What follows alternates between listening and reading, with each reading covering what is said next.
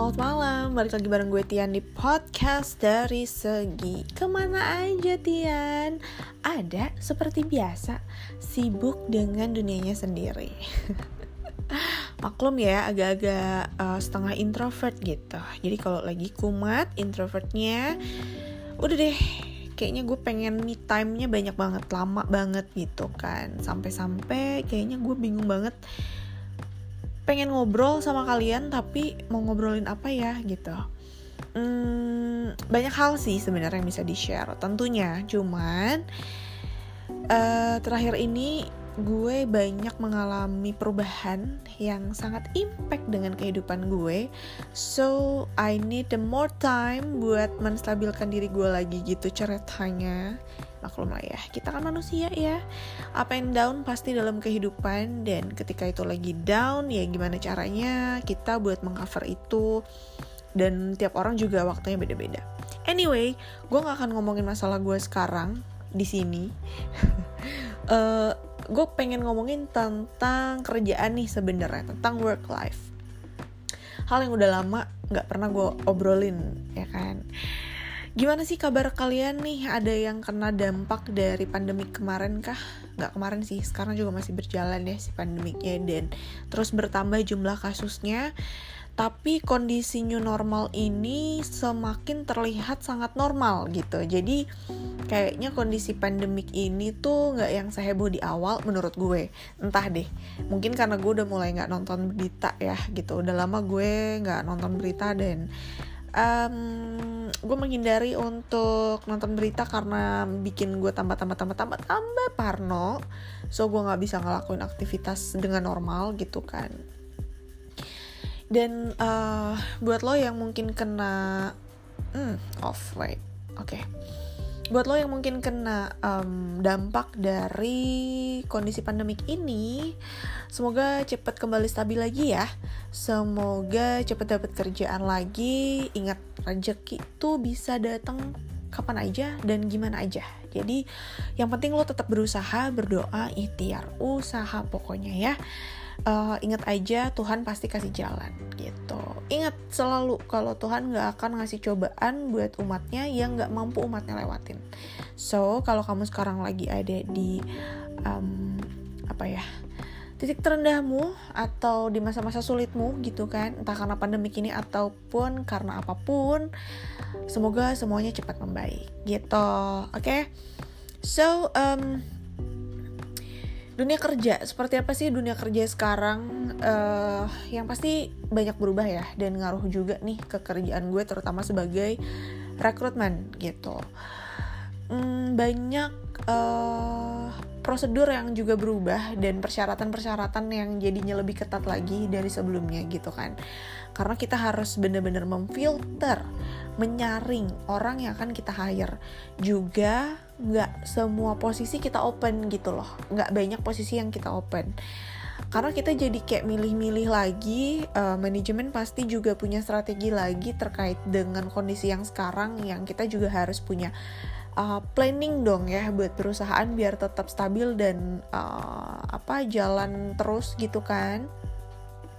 So banyak posisi yang kayaknya sebelumnya itu open terus tiba-tiba oke okay, kayaknya ini masih bisa di cover deh gitu kan kita yang kerja mungkin sebagian ada yang ngerasa kayak gila ya kerjaan gue tuh udah banyak.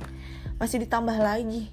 Masih lagi ini masih lagi itu gitu kan. Ya wajar aja sih gitu. Kita sebagai yang kerja tuh harus bersyukur. Uh, satu kita harus bersyukur kalau kita masih punya kerjaan. Yang kedua hmm, ya udahlah gitu kan. Kondisi lagi kayak gini kita nggak pernah ada yang tahu akan terjadi seperti apa ke depan. Selama kita masih dikasih rejeki kita harus bersyukur dan ya udah jalanin aja. Emang kadang uh, kelihatannya kalau kita sebagai karyawan tuh ngerasanya ini kantor kayak manfaatin gak sih? gitu loh. Kita yang um, apa ya mumpung gitu loh. Kita harus mau terima kondisi lagi kayak gini kita semua butuh kerja gitu kan. Jadinya kerjaan gila-gilaan gitu. Apalagi yang kondisinya masih work from home itu kadang limit waktunya tuh nggak nggak nggak apa ya nggak berasa gitu loh. Kalau kita ke kantor kan udah jelas nih jam 5 itu udah uh, selesai gitu kan atau jam 6 gitu kan. Ya kalaupun lembur ya udah berasa itu lagi lembur and then ya pasti ada limit waktunya lo harus pulang gitu. Tapi kalau misalkan work from home kayak anytime lo bisa dihubungin dan lo harus standby dan lo harus bisa kasih uh, respon gitu. Kayak kemarin tuh hari apa ya terakhir? Hari Jumat. Kebetulan kantor gue nggak uh, ikutan cuti bersama. Dan gue ada report daily yang biasa dikirim sore hari dan gue lupa gitu bener-bener lupa. Karena gue ada kerjaan yang emang juga dikerjain ngejar waktu dan itu juga agak telat gue reportnya di sekitar jam 7 malam. Jadi abis itu selesai udah gitu rasanya capek terus udah deh gitu. And then jam 10 tiba-tiba bos gue nanya report yang ini belum ya? Oh my god. Akhirnya ya udah mau nggak mau nggak ada pilihan lagi kan nggak ada alasan buat nggak ngasih gitu. Secara kita kalau udah work from home kan kita bisa ngerjain kerjaan kapan pun sebenarnya ya. So gue buka laptop gue dan gue kerjain reportnya gitu kan untungnya nggak terlalu ribet gitu reportnya so gue bisa langsung kirim di jam itu juga gitu. Ya sometimes memang kelihatannya kayak Hah, work life balance bye bye gitu. Kayaknya cuma ada work life doang gitu kan bukan work life balance lagi gitu tapi ya itu balik lagi gimana kita memandang kondisi ini sebagai kondisi yang positif gitu. Another condition yang dialamin sama teman gue adalah di kondisi ini dia ganti atasan.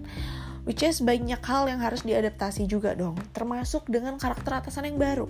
Nah um, kebetulan temen gue ini bukan orang yang um, open mind mungkin ya bisa gue bilang gitu.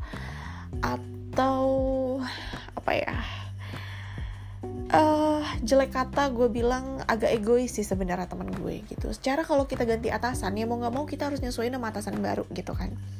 Dan uh, gaya atasan yang lama dan atasan yang baru ini berbeda. Pastilah ya tiap leader itu punya caranya masing-masing. Tapi pastinya semua itu untuk kebaikan uh, semuanya gitu loh. Karena dia juga pasti ketika ngapus kita dipus juga dari atas gitu. Dan gimana caranya dia juga um, apa ya tetap mengamankan gitu loh semua bagiannya gitu. Nah hmm, gue juga pernah ngalamin yang kayak gitu. Artinya kayaknya dalam setahun tuh gue pernah ganti atasan berapa kali gitu loh. Dan itu jadi harus um, apa namanya adaptasi cepet banget kan gitu. Karena ya harus ganti harus ganti lagi gitu loh.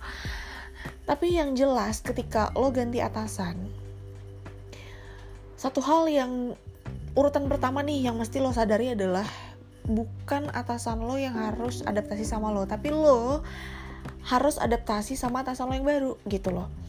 Urusan nanti dia juga harusnya memang dua arah adaptasi juga dan uh, observasi nih gaya kerja lo gimana sih gitu kan.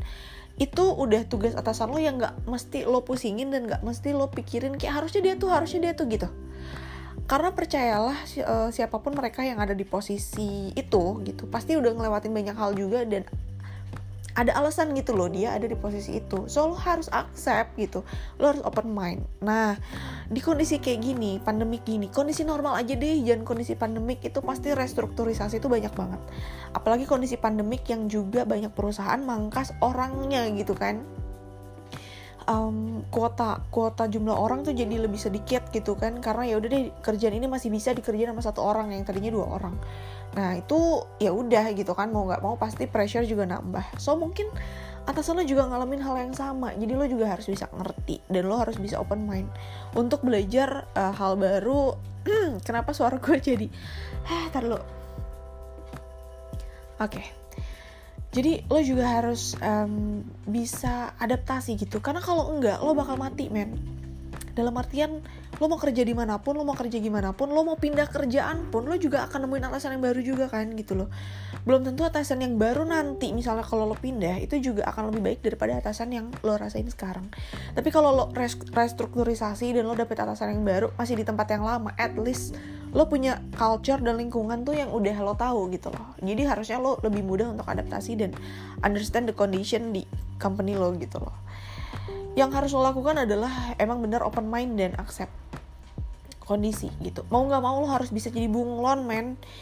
Nempel ke warna hijau lo jadi hijau. Nempel ke warna merah lo jadi merah. Bukan berarti lo nggak punya pendirian atau lo nggak punya sikap atau lo nggak punya uh, work attitude lo sendiri atau gaya kerja lo sendiri bukan gitu. Tapi kondisi ini kondisi apalagi kondisi pandemi kayak gini kita harus pintar-pintar untuk nyesuaiin diri kalau masih mau kepake kerja gitu. Karena perusahaan tuh gue yang gue lihat ya sekarang tuh nggak segan buat ngekat orang gitu loh. Um, kenapa? Apalagi kalau kondisi lo masih belum karyawan tetap yang karyawan tetap aja masih bisa dikat ataupun dipindahin gitu. Jadi kontrak misalnya atau jadi outsource atau ya apa pun lah perusahaan tuh beda-beda ya uh, strateginya gitu kan untuk menghadapi kondisi ini. Yang jelas masih bersyukur ketika lo masih punya kerjaan itu walaupun kerjaan lo ditambah walaupun misalkan atasan lo ganti lo harus bisa adaptasi gitu. Karena itu juga untuk kebaikan lo. Inget aja apa pun yang terjadi itu pasti for the reason. Yang pasti Tuhan punya takdir buat lo dan itu um, lewat jalan apa pun gitu loh. Termasuk jalan yang nggak lo sukai.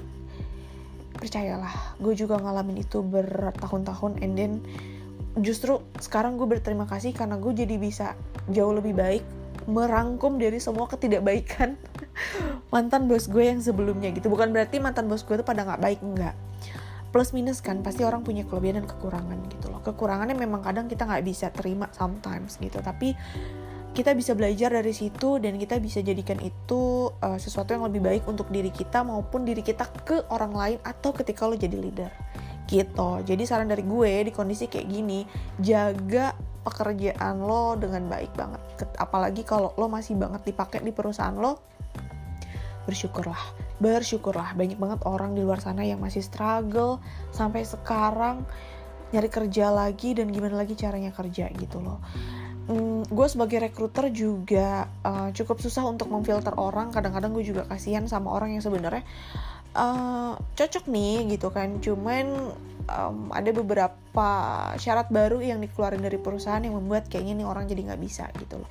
Dan gue juga kadang-kadang miris gitu untuk menolak mereka yang kadang nih ya sampai mereka tuh bilang mbak tolonglah gitu saya butuh kerja banget gitu. Uh, apa namanya saya kena PHK gitu kan saya kena uh, dampak covid nih gitu kan. Sedangkan nih saya masih punya anak istri dan lain sebagainya. Eh uh, kalau udah kayak gitu gue juga udah nggak tega. Tapi ya pada ya sebagai rekruter gue juga harus tetap profesional.